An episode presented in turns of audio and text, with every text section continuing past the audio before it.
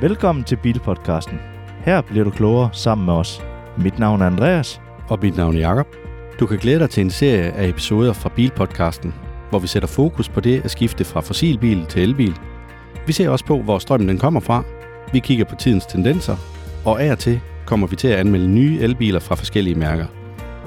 I dagens episode af Bilpodcasten, der sidder vi altså i Polestar 2, og vi starter episoden ud med, at vi sidder i selve bilen, så I har en fornemmelse af, hvad det er for en størrelse, og så kan vi forklare lidt om, hvad det er, vi ser på. Men Andreas, det er dig, der er chauffør i dag. Ja. Hvordan har den været at køre her i de her dage, du har haft den? Jamen, øh, umiddelbart så er det jo en fantastisk kørebil. Den ligger super godt på vejen. Den styrer super godt. Så der er egentlig ikke så meget at brokse over lige der, men du havde en, øh, jeg synes, en fin kommentar til det. Polestar, det har jo været Volvos tidligere racermærke. Og efter Geely de har overtaget både Volvo og Polestar, så har de ligesom splittet dem op. Det samme som der er sket med Seat og Cupra og øh, DS og Citroën. Og man kan godt mærke, når man kommer over i den her, at det er en kørebil. Den skaber køreglæde. Det er som, du sætter dig ind i bilen, og så bliver du faktisk glad for at køre på især de små veje, hvor, øh, ja, hvor du får lov til at tage nogle sving, og du kan tage dem med en væsentlig højere fart eller hastighed, end du plejer at gøre normalt. Men hvis jeg skal sammenligne den her med en bil, så synes jeg, at det her det er elbilernes svar på en BMW M3. Ja, og det er da et våget bud, vil jeg sige. Det er meget våget bud. Og det irriterer mig faktisk helt vildt, fordi at nu har jeg læst en hel masse anmeldelser af den her bil, og alle journalisterne de har rost den her bil til skyerne for dens køreegenskaber. Ja. Og jeg kunne godt tænke mig, at jeg kunne sige noget andet, men det kan jeg bare ikke, for den kører bare fantastisk. Det gør den. Altså, den, øh, den styrer hen, hvor man gerne vil hen, og der er bare ingenting, der er galt med, med styreegenskaberne i den. Jeg vil så sige, at søger man en bil som hverdagsbil, altså hvor du egentlig gerne vil have lidt komfort og sådan noget, så er det ikke den her, du skal vælge. Altså komfort er der jo i bilen. Den er bare meget hård i undervognen. Og sæderne er også øh, lidt hårdere, end hvad du er vant til i din Model Y. Mm. Men det er ikke sådan, at du på nogen måde sidder ringe, synes jeg ikke. Det gør du jo lidt. Jeg har et problem med mit knæ. Altså, når jeg sidder og trykker på speederen, ingen problem overhovedet. Sidder og trykker på bremsen, ingen problem overhovedet. Vil man lige slappe af med sin fod, så plejer jeg at tage den de her 10 cm op foran bremsen, så jeg kan være klar til at bremse. Og det er så der, mit knæ går imod øh, midterkonsollen her til højre. Ja, og der bankede du lige på den for at indikere, at den er lavet af hård plast, der hvor du rammer med dit knæ. Ja. Og det er også rigtigt, det er, det er den. Det, du skal lidt højere op. Så hvis du trækker benet lidt længere tilbage, så rammer du øh, den bløde del af det. Men når vi siger bløde del her i Polestar 2, så er det jo ikke fordi, det er lige så blødt, som hvad vi kender fra andre biler. Nej. Det er relativt hårdt. Og så det, der er med, med den her overfladebehandling, at det har fået det her plastik, det har fået sådan et... Øh, et materiale, som er en lille smule øh, ruflet, eller øh, det ligner næsten, det er noget ternet stof, der er i overfladen. Og hvis du har noget tør hud og lige kommer til at lægge din arm på, på den del af stoffet, så, så bliver det bare hvidt. Altså, så kan man se, at det, det bliver hurtigt beskidt Ja. og smudset at se på. Så vi kører faktisk rundt med en karklud i bilen nu her, så vi kan filme lidt samtidig. Præcis. Vi skal ud og optage den her bil, hvor vi øh, filmer den, så man kommer rundt om og laver en decideret video. Så I også har mulighed for at se, hvad det egentlig er, at vi har både set og oplevet med bilen, så man lige kan sende nogle drømmende blikke efter Polestar 2, når den kommer kørende. Lige nøjagtigt. Bilen er fyldt med, med smarte features. Blandt andet så i handskerummet, så er der sådan en lille krog, man kan vippe ud, som er til maks 2 kilo. Så hvis man har en pose eller et eller andet, der man skal have med, og der ikke sidder nogen på passagersædet, så kan man bare lige hænge den over ved handskerummet. Der er en dejlig stor skærm på 11,2 tommer i midten, og så har den en oplader også i den her midterkonsol til en mobiltelefon.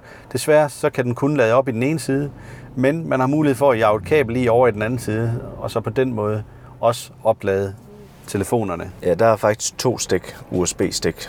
Der er to USB-stik, ja, men de begge to er øh, USB-C, altså den lille udgave. Og så har man en gearvælger i midten, altså også i midterkonsollen, som er for, udformet fuldstændig lige sådan som på en Volvo C40 eller XC40, dog med et Polestar-logo. Det er fuldstændig samme i bag, som det var på C40 og XC40 med øh, et gammeldags lignende cigaretstik, hvor der så i stedet for er to USB-C-udgange. Og så er der også to knapper til sædevarme i henholdsvis højre og venstre side. Ja. Noget, der undrer os lidt i forbindelse med, at vi har kørt i den her bil, og det ved jeg godt, det er ikke så meget med udseendet at gøre, men den registrerer ikke selv, om det regner, og så begynder at køre med vinduesviskeren. Og det er der jo mange af de her nyere biler, der gør, uanset om det er elbil eller ej. Ja, som standard. Som standard, ja. Og så kan vi jo sige, at det vi sidder og kigger på her i kabinen, ellers føles som rigtig, rigtig god kvalitet. Og så er der sådan noget interiørbelysning rundt omkring forskellige steder, blandt andet omkring midterkonsollen. Og der er også hen over dashboardet, lige nedenunder sådan et andet stofmateriale, der er, hvor der er træ nedenunder, og der lyser det op med sådan en hvid stribe ned mod det her træ. Det ser ret fedt ud om aftenen. Plus op i soltaget, så har den lige Polestar-logo, der giver genskin op i selve glasset. Det, øh, det er fedt lavet. Det er det, men det er, jeg synes, det er hårde materialer, der er i bilen øh, mange steder egentlig. Og så har vi det her pianolak, som vi ikke er særlig vilde med. Og det er altså også på rettet, hvor du bruger din øh, fartpilot og øh, styrer radioen med op og ned volume. Og, og mine fedtede fingre, de er overalt på det her ret. ja, det kan jeg godt se. Jeg glæder mig ikke til, at jeg skal have bilen igen, faktisk. Det ser, det ser lidt klamt ud, det der. ja, og så fedtet synes jeg ellers ikke, jeg er. Det er jo kun, når du skal betale. Men Jakob, skal vi ikke uh, hoppe tilbage til studiet? Og i dag, der skal det hele handle om Polestar 2. Vi har været så heldige at få fat i en model fra 2022. Det er den model, der hedder Long Range og Single Engine. Det er en bil, som vi har lånt af Polestar, og det er en MY23-model, som er udstyret med både pluspakken og pilotpakken. Priserne for selve testmodellen, de var tilbage i 2022 371.420 kroner, og dertil så skulle man lige lægge pluspakken og pilotpakken oveni. I dag der kan du gå ind og bestille en øh, baghjulstrukken Polestar, også i øh, long range model, for 415.000, og så koster det henholdsvis 20.000 for pilotpakken og 40.000 for pluspakken. Vi har fundet en model med til den, vi har testet på brugtvognsmarkedet til 320.000 kroner for en bil, der har kørt 86.000 km. Og den nye Polestar 2, der kommer long range single motor med baghjulstræk, den får altså 299 heste og bliver dermed hurtigere end den model, vi har prøvet at køre fra 0 til 100 på 6,2 sekunder med en makshastighed på 205 km i timen. Den får også en øget rækkevidde helt op til 654 km, så efter vores mening, så er det altså værd at vente på den model. Men Andreas, nu skal det jo ikke handle om den nye Polestar, nu skal det handle om den, vi har fået lånt i dag. Så vil du ikke lige prøve at fortælle vores lyttere, hvordan vi plejer at teste vores biler? Jo, vi har jo vores øh, sædvanlige kategorier. Der starter vi altså ud med design, derefter kommer komfort, støj i kabinen, kvalitetsfølelse, køreegenskaber, bygge- og samlekvalitet, udstyr i forhold til prisen, pladsforhold, lastevne og påhængsvægt, batteri, rækkevidde og forbrug, opladning, garanti og value for money, og så til sidst en samlet vurdering af det hele.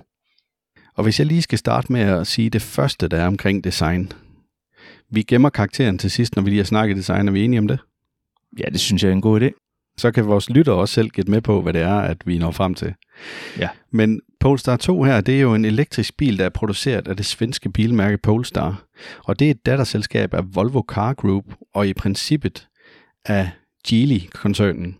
Fordi Geely, de gjorde jo det, at de gik ind og opkøbte både Volvo, Polestar var på daværende tidspunkt Volvos racermærke, altså det samme som AMG er til Mercedes, og det samme som Cupra var til Seat, og de gjorde så det samme, da de købte Volvo, at de delte det op, ligesom at man gjorde med Seat og Cupra, og man har gjort det med øh, det franske Citroën og så DS Automotive. Så det blev to forskellige separate bilmærker. Men det var lige et tidsspring. Vi skulle tilbage til designet. Polestar 2, det er en moderne bil, som er aerodynamisk og har et sporty, men stilfuldt udseende. Nogle af de øh, typiske karaktertræk ved en Polestar 2, det vil være karosseriet, som er sådan en kompakt hatchback-model, der kombinerer de her elegante linjer med sådan en strømlignet udseende. Det er en femdørs konfiguration, og det gør det altså både nemt at få adgang til forsæderne og bagsæderne. I stedet for en traditionel kølergrill har Polestar 2 en sort front uden nogen åbninger, men med fordybninger i firkantet design, som antyder en åben grill. Det skyldes altså, at bilen er fuld elektrisk og ikke har brug for luftindtaget til sin forbrændingsmotor, som den ville have haft, hvis den ikke var elektrisk jo. I stedet er der et stilfuldt Polestar-logo placeret centralt på fronten. Polestar 2 er udstyret med avanceret LED-lysteknologi. Forlygterne strækker sig langs med bilens forkant og har en slank og skarp form. Baglygterne er også LED-baseret og trækker sig vandret over bagenden af bilen. Polestar 2 har en karakteristisk taglinje, der strækker sig i en lang bue fra forruden og hele vejen hen til bagenden af bilen. Den her linje er også med til at give bilen et dynamisk udseende og bidrager samtidig med til aerodynamikken. Indvendigt har Polestar 2 et moderne og minimalistisk design. Kabinen den er rummelig og luksuriøs med førsteklasses materialer og detaljer af høj kvalitet. Infotainmentsystemet er placeret i midten af instrumentpanelet, og er baseret på en stor lodret touchskærm, der fungerer som kontrolcentrum for bilens funktioner. Og Andreas, hvis vi kan snakke lidt om det her design. Udover ja. det, vi lige har sagt, så skal vi jo lande en karakter. Ja, men min personlige holdning til den her bil, den, øh, altså da jeg så billeder af den, så synes jeg, at den var super flot. Og da jeg så den i virkeligheden forfra, der synes jeg også, at den var super flot. Men jeg synes måske, bagenden er løftet lidt meget jeg havde regnet med, at den var lidt lavere bag. Altså, kan du følge mig i lygterne og det her? Ja, det kan jeg godt. Jeg synes også, at der var noget underligt med den bagende der. Det var, det var, der var et eller andet, jeg bare ikke rigtig kunne lide ved den. Og jeg tror måske, det var det her firkantede LED-lygtebånd. Mm. Men efterhånden, som øh, jeg har set mere og mere på den, og også man møder jo flere af dem i trafikken, jamen så kan jeg øh, godt lide det her design. Jeg synes egentlig, at det klæder bilen. Ja, det er ikke grimt. Men helt klart så er fronten pænest, og, ja. øh, og sådan skrå forfra, der, der står bilen bare ekstremt skarp. Ja, så synes jeg også, at sidespejlene, de, det er jo lidt specielt, at det er en enhed. Så jeg synes, det er specielt, at du stiller sidespejlet, så kører hele spejlet, og ikke kun glasset, som man normalt ser på andre biler. Ja, og der er også lidt til designet og det sidespejl der, fordi det er rigtig fedt, at den ikke har nogen ramme omkring sig. Så når bilen den er i en vaskehal, jamen, så bliver det gjort ordentligt ren, fordi at børsterne kommer helt ind på spejlet. Men noget, der er virkelig er dumt, det er, at når du trykker på knappen for, at du skal slå spejlet ind, jamen så slår det så cirka 2 cm ind. Du får 2 til 2,5 cm, når du parkerer bilen og beder den om at slå spejlene ind. Altså, lad da være med sådan noget pjat. Det, er da fuldstændig lige meget. Det er de sidste to centimeter, der gør det, Jacob. ja, nu snakker vi biler her, ikke? Jo. Ja, det var godt, vi lige fik den med. ja. Men nu synes jeg ikke, vi kan trække det meget længere, øh, medmindre du har noget at tilføje til designdelen. Ikke rigtigt. Jeg tænker, du får lov til at afsløre den. Så vil jeg gerne afsløre vores karakter på 7,5, som vi har givet Polestar 2 for design. Men Andreas, vil du starte op på komfortdelen? Komfortniveauet i Polestar 2 er generelt anerkendt som værende højt. Bilen er designet med fokus på at tilbyde en behagelig, men sporty og dynamisk køreoplevelse for fører og passagerer. Ja, Andreas, noget af det, der er med til at bidrage til komforten i sådan en Polestar 2, det er, at den er udstyret med usædvanlig god støjisolering, der reducerer den her eksterne støj fra vibrationer og vind i kabinen. Og det skaber sådan en rolig og afslappet atmosfære under selve kørslen. Og først omkring om cirka 110 km i timen, så begynder man at kunne høre den her vindstøj ved vinduerne. Ellers så er den altså bare utrolig støjsvag, men det kommer vi ind på i vores næste punkt, som er støj i kabinen.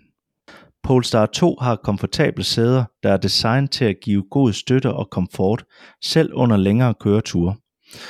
Vores sæder var dog beklædt med et materiale, som hurtigt føltes varmt, og man havde en tendens til at svede lidt på ryggen.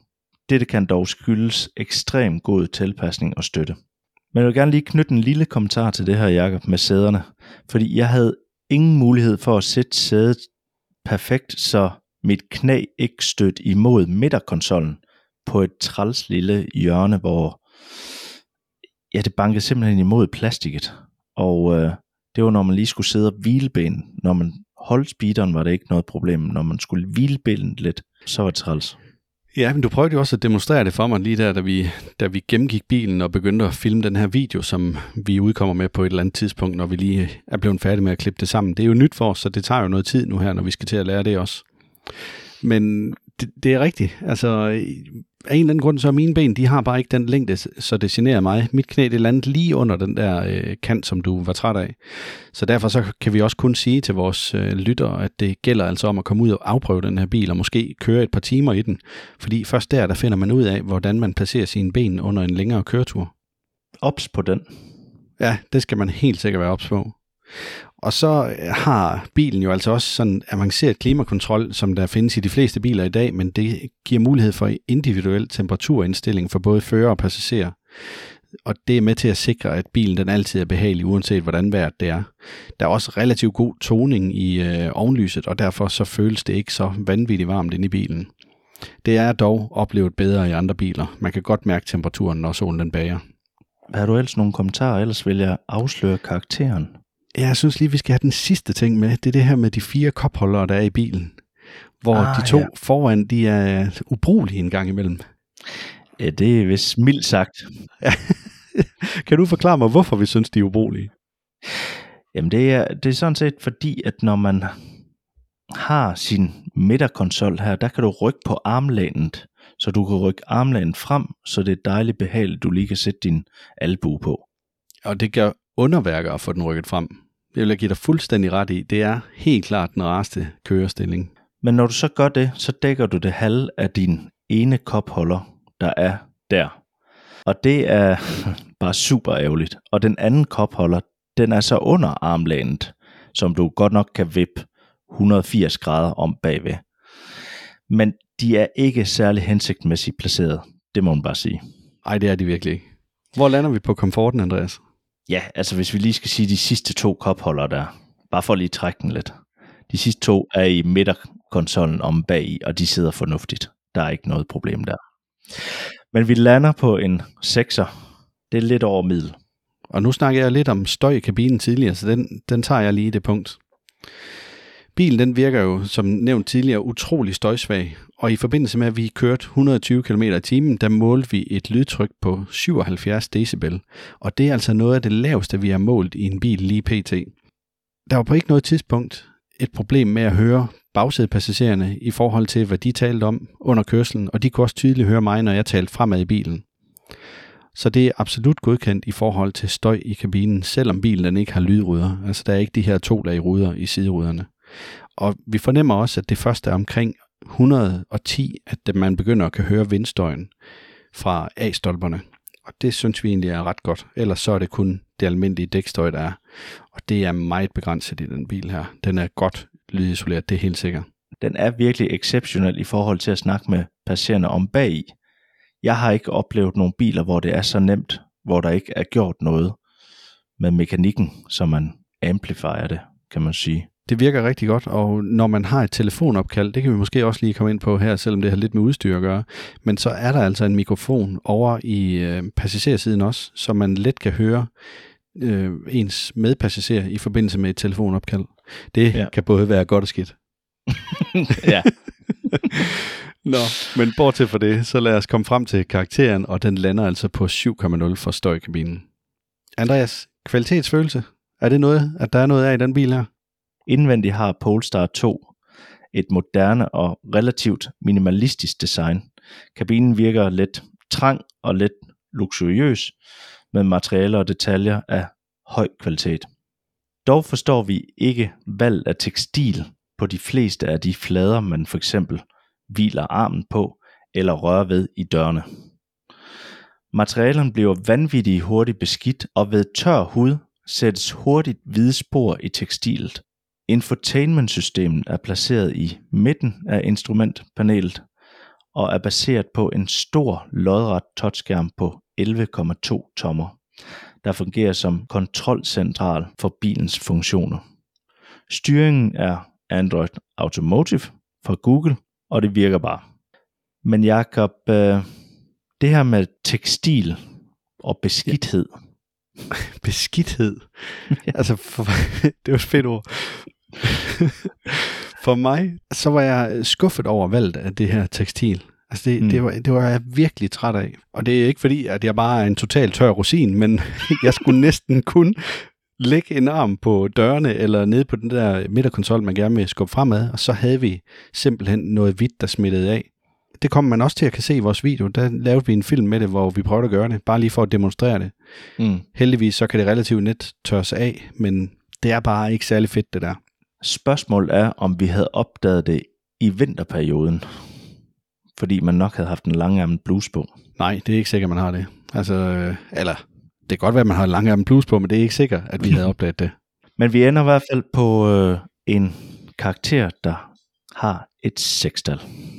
Jeg springer videre til køreegenskaberne. Og det er altså her, at Polestar 2 den virkelig brillerer. Polestar 2 har en velafstemt affjedring, der er designet til at absorbere ujævnhederne i vejen og give en jævn kørsel. Det bidrager til at reducere vibrationerne og støde i kabinen, og er med til at forbedre komforten. Men man må altså ikke forveksle den her bil med en komfortabel bil eller en blød bil. Fordi her på podcasten, her på bilpodcasten, der mener vi, at Polestar 2 det er det samme for elbilerne, som en BMW M3-serie er for fossilbilerne. Og det skyldes måske de her dobbeltvirkende single flow valve støddæmper på McPherson ophæng, som det er det, der er foran, eller multilink om bagi. Det er i hvert fald helt sikkert, at det her det er en bil, der kommer til at give dig et smil på læben, for den kører bare fantastisk, og så tager den svingende som en drøm. Og for at det ikke skal være løgn, så har den en venderadius på kun 11,5 meter, og det er bare super godt for en bil i den her størrelse. Men det gør sig også lidt på flonken derude. Altså det forreste bagagerum. Det er lidt mindre, end man ellers kunne se. Det er rigtigt, men jeg tror aldrig nogensinde, jeg kommer til at få enten ladekabler ned i det rum. Nej, det kan godt være. Og det er jo det, jeg gerne vil bruge frunken til. Altså, jeg er vanvittigt glad for, at den har frunken. Det kan også bare siges, det giver plus. Fordi så har du til ladekablerne, og du ikke skal ja. finde dem under ja, det bagerste rum eller sådan noget, når du så er pakket godt op på ferien.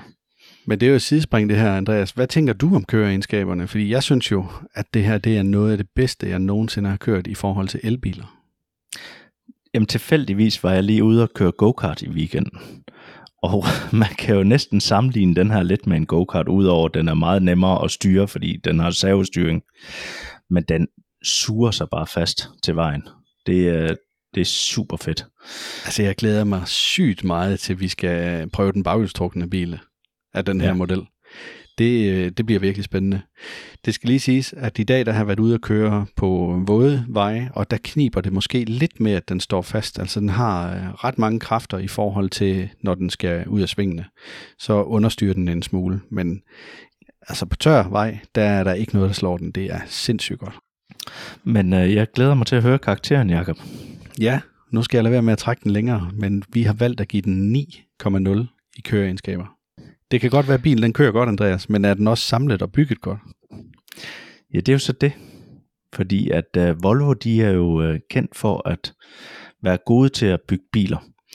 Og vi må ikke glemme, at Polestar er hvad AMG det var for Mercedes. Altså deres sportslige version af deres bedste jeg. Da kinesiske Geely købte Volvo, valgte de at opdele mærket, præcis som det også skete for Seat og Cupra, eller Citroën og DS Automotive. Men man er ikke i tvivl om, at Polestar har lånt meget fra Volvo. Det ses både indvendigt i kabinen, men også udvendigt med for eksempel Tors hammerlygterne osv. Det er da ikke en dårlig ting, og når vi ser på panelsamlingerne, så er der altså lige stor afstand over alt på bilen. Der er også tænkt på mange smarte ting, som for eksempel lå i lågbunden i bagagerummet, som vi kommer lidt nærmere ind på i vores YouTube-film. Så derfor får bygger samlekvaliteten 9,0. Er der ingen tvivl om, at Polestar 2 den er bygget rigtig godt. Og nu kommer vi så ind på noget, der hedder udstyr i forhold til prisen. Og Polestar 2 den er relativt godt udstyret som standard, men man får helt vanvittigt meget udstyr med i forbindelse med opgradering til de to forskellige pakker, man kan vælge. Så derfor så anbefaler vi helt klart, at man gør det. Bilen den er også udstyret med et rigtig godt 360 graders kamera, så nu er der altså ingen, der ikke kan finde ud af at parkere længere. Som eksempel på nogle af de ting, der følger med i pluspakken, og det er altså den pakke, man kan købe for 40.000 kroner. Der får man blandt andet det her kæmpe soltag, der spænder i fuld længde, med sådan et projekteret Polestar-symbol, som man kan se om aftenen eller ved svag belysning. Så er der Harman Kardon Premium Sound anlæg. Der er fuldt eldrevne sæder, inklusiv firevejs eldreven lændestøtte, mekanisk forlængelse og opbevaringsnet til rygstøtterne bag på sæderne. Der er varme i rettet, i forsæderne og bagsæderne, samt i dyserne til vinduesviskerne. Ligeledes så er bagruden lavet af hærdet glas, som er tonet, og i den her pakke, der får man altså også noget, de kalder for Digital Key Hardware med. Og det vil altså sige, at du kan bruge din smartphone i forbindelse med din Polestar-app, og så dermed kan du betjene bilen. Altså du kan låse den op og åbne den og starte den, bare at telefonen den ligger i bilen. Det er også i den her pakke, at du får det her låg i låg opbevaring med, i forhold til indkøbsposerne i bagagerummet, som vi synes var vanvittigt smart. Især fordi, at du kan faktisk bruge det her låg i låg. Så når det er slået op, så kan du have opdelt dit rum i to, så alle tingene ikke ligger og skrumler rundt om. Og jeg havde tilfældigvis lige en kasse, der passede med, med det rum, der var foran låg der. Jeg har aldrig hørt dig snakke så meget om en kast der før. Nej, men jeg var utrolig glad for den her funktion, fordi det virkede bare. Det var rart, at det ikke lå skrumlet rundt der om bagagerummet, især når man kan accelerere fra 0 til 100 på de her 7,4 sekunder. Så tænker jeg også, at man skal have pilotpakken med. Og den inkluderer blandt andet uh, Pixel LED forlygter, adaptiv high beam, så er der LED toglygter foran med kurvefunktion, og adaptiv cruise control, og så pilot assist, Emergency Stop Assist. Den her Emergency Stop Assist, den vil jeg sige, den, øh, der, der bliver man altså taget med bukserne ned. Det, det er virkelig et chok. Den kunne jeg virkelig også godt undvære en gang imellem, for jeg havde to gange, hvor den gjorde det uden nogen grund overhovedet. Jeg havde 100% styr på, at der ikke var nogen, og alligevel så bremsede bilen.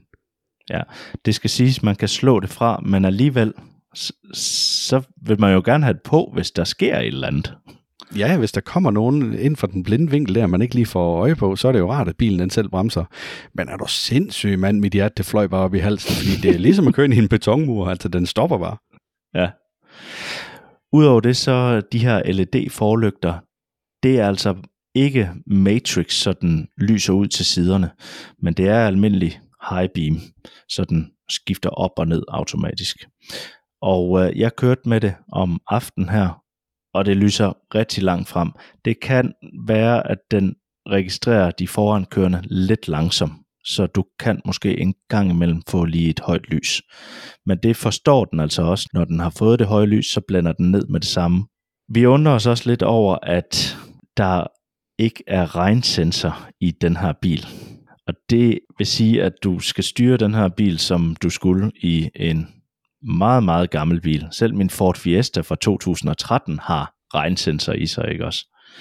Så det er mærkeligt, at man skal styre vinduesviskerne manuelt. Der er også blandt andet kun én trådløs opladning på 15 watt foran, i stedet for at man har to. Men der er trods alt to USB-C-porte i for og i bag. Du skal bare bruge en ledning i stedet for trådløs. Det går også lidt hurtigere. Så alt i alt, så ender vi på en karakter på 8,0 for det her. Og det er jo altså også en bil, der har ret meget udstyr, det må vi bare sige. Men lad os komme videre til pladsforholdene, Andreas. Hvordan ser det ud med dem? Polestar 2 har ikke den største kabine, så det kan virke lidt smalt. Det er muligt at finde en behagelig kørestilling. Mm, så nogenlunde. Jeg er ikke helt enig. Jeg har stadigvæk mit problem med mit knæ. Men vi anbefaler, at I prøver at køre bilen i længere tid, som vi også har sagt. Man sidder generelt godt i bilen, og der er en fornuftig støtte af både lår, lænd, sider og ryg. Pas dog på med at købe bilen, hvis du har store børn, da personer over 1,85 cm i versionen med soltag vil støde på loftet bagi. Bagagerum det er 405 liter, som kan udvise til 1095 liter. Der er også et 12 volt udtag i bagagerummet. Der skal man dog lige være opmærksom på, at 12 volt udtag det slukker altså lige så snart man låser bilen. Så du kan ikke bruge din køletaster inde i særlig lang tid. Det er kun når du kører. Hvad tænker du om pladsforholdene, Jacob? Ja, men jeg synes egentlig, at, øh, at du ramte spot on. Det er ikke en stor kabine, og det er rigtigt nok, at den virker lidt smal, men nu kommer du jo så også fra en Tesla Model Y, og den er jo bare vanvittigt bred inde i kabinen. Der føler man på ingen måde så trang, men det er også en bil, hvor der er rumklang i. det er sådan ja, lidt ja, det er en balsal. ja, det er virkelig en balsal. Men øh, jeg er enig. Altså, det er, der er ikke ret meget plads i den her bil, men hvis man øh, har min størrelse, altså lige under de her 1,80 meter, og øh, ens børn de ikke er højere, så kan man sagtens klare sig med den her, fordi jeg synes også, den har et fornuftigt bagagerum, og der er også et ekstra rum nede under bunden, hvor man kan fylde lidt i. Jeg synes ja. egentlig, den, øh, det, det er fint. Men, øh, men karaktermæssigt, Andreas, hvor ligger vi henne? Jamen, vi lander på en 5,5. Jeg nubber lige lasteevne og påhængsvægt også. Bilen her, den må laste 421 kilo. Udover det, så må den trække en trailer med bremser på 1500 kg og en trailer uden bremser på 750 kg. Så er det lidt specielt med den her bil, at lodret belastning på trækkrogen, den er over på 90 kg, og det er altså normalt kun 75 kg. Og vi snakker meget om det her med, hvor langt kan vi køre, og når du har en bagageboks bagpå i stedet for en tagboks, så kan du altså køre væsentligt længere, end hvis du har en tagboks på taget. Ja, og det er jo rigtig godt. De fleste biler, de kan laste 75 kg på krogen ved lodret belastning, og så er der ovenikøbet nogle biler, der er helt nede på 50 kg. Så 90 kg, det er altså ekstra meget her.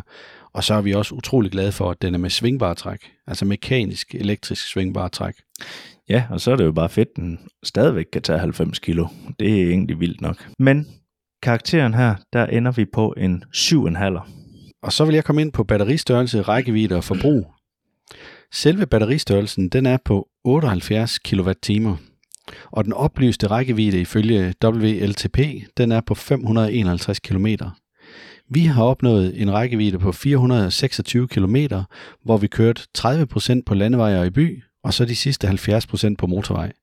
Og det gav mig et målforbrug på 18,18 kW per 100 km. Og det her tal det er blevet målt ved 22 grader og cirka 3-5 meter i sekundet i forhold til vinden.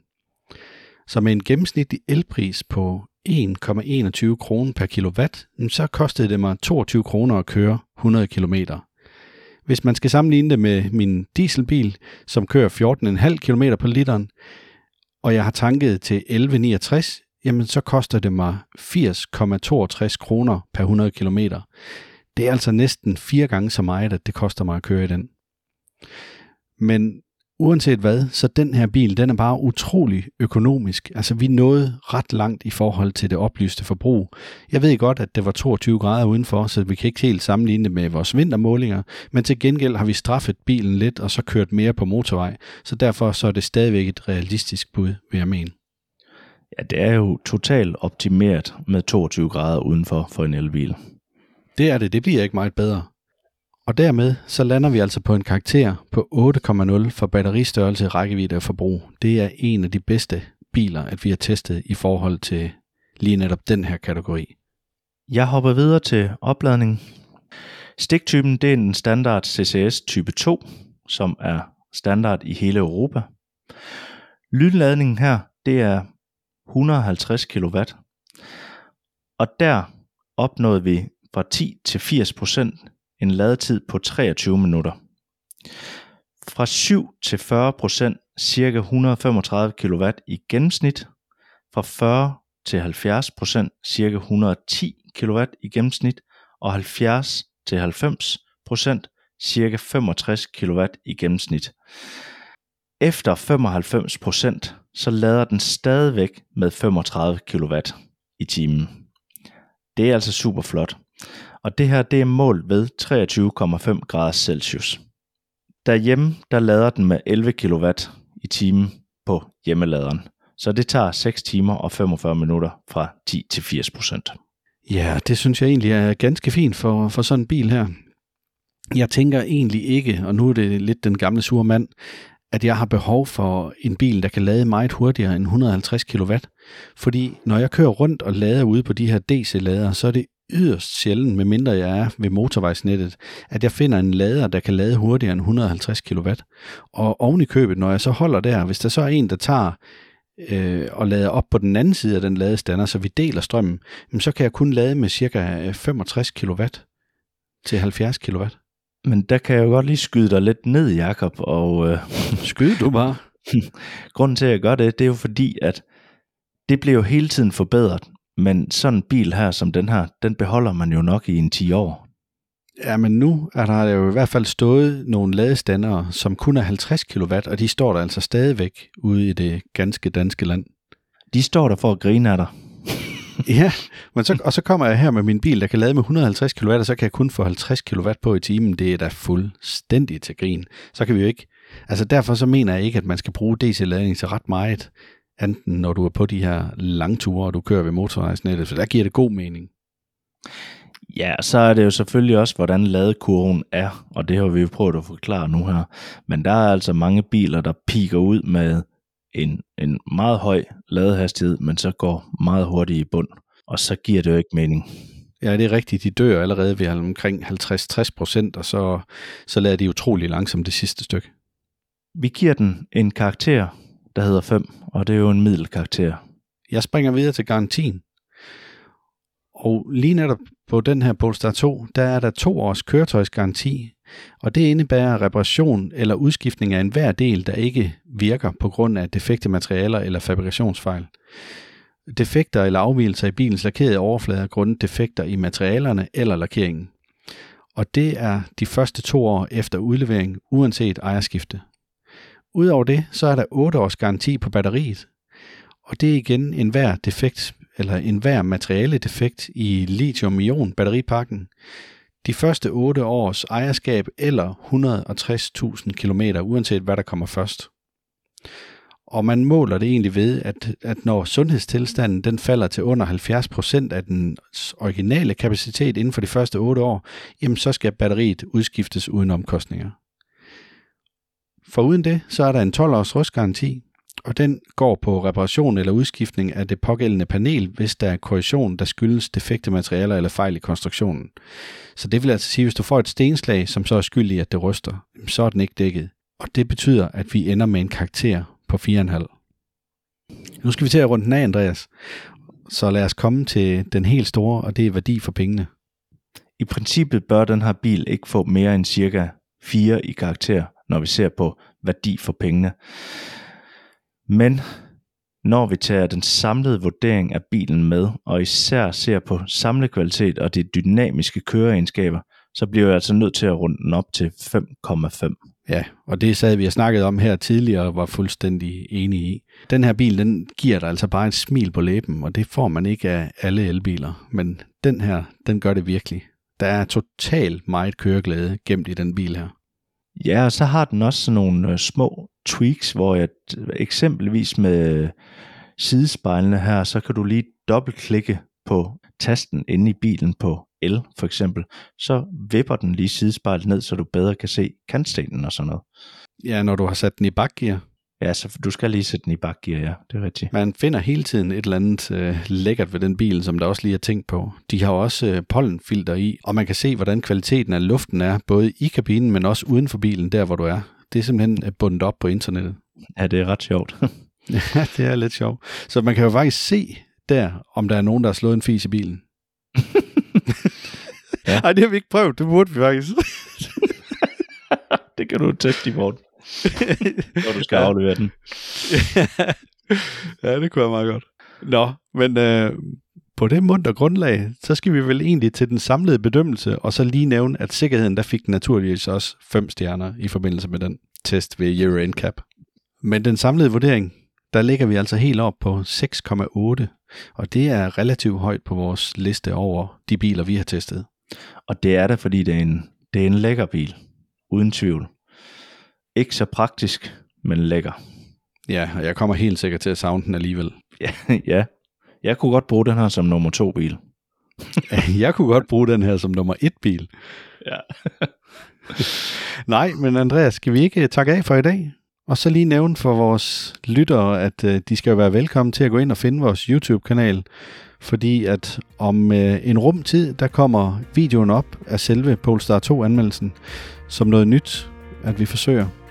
Men ellers så er der ikke andet tilbage end at sige tak for det, Andreas. Det har været drønhyggeligt. Som altid. Tak fordi du lyttede med. Gå ikke glip af næste episode. Tryk på følg eller abonner. Fortæl dine venner og bekendte om os. Det vil hjælpe os utrolig meget. Og kør forsigtigt derude.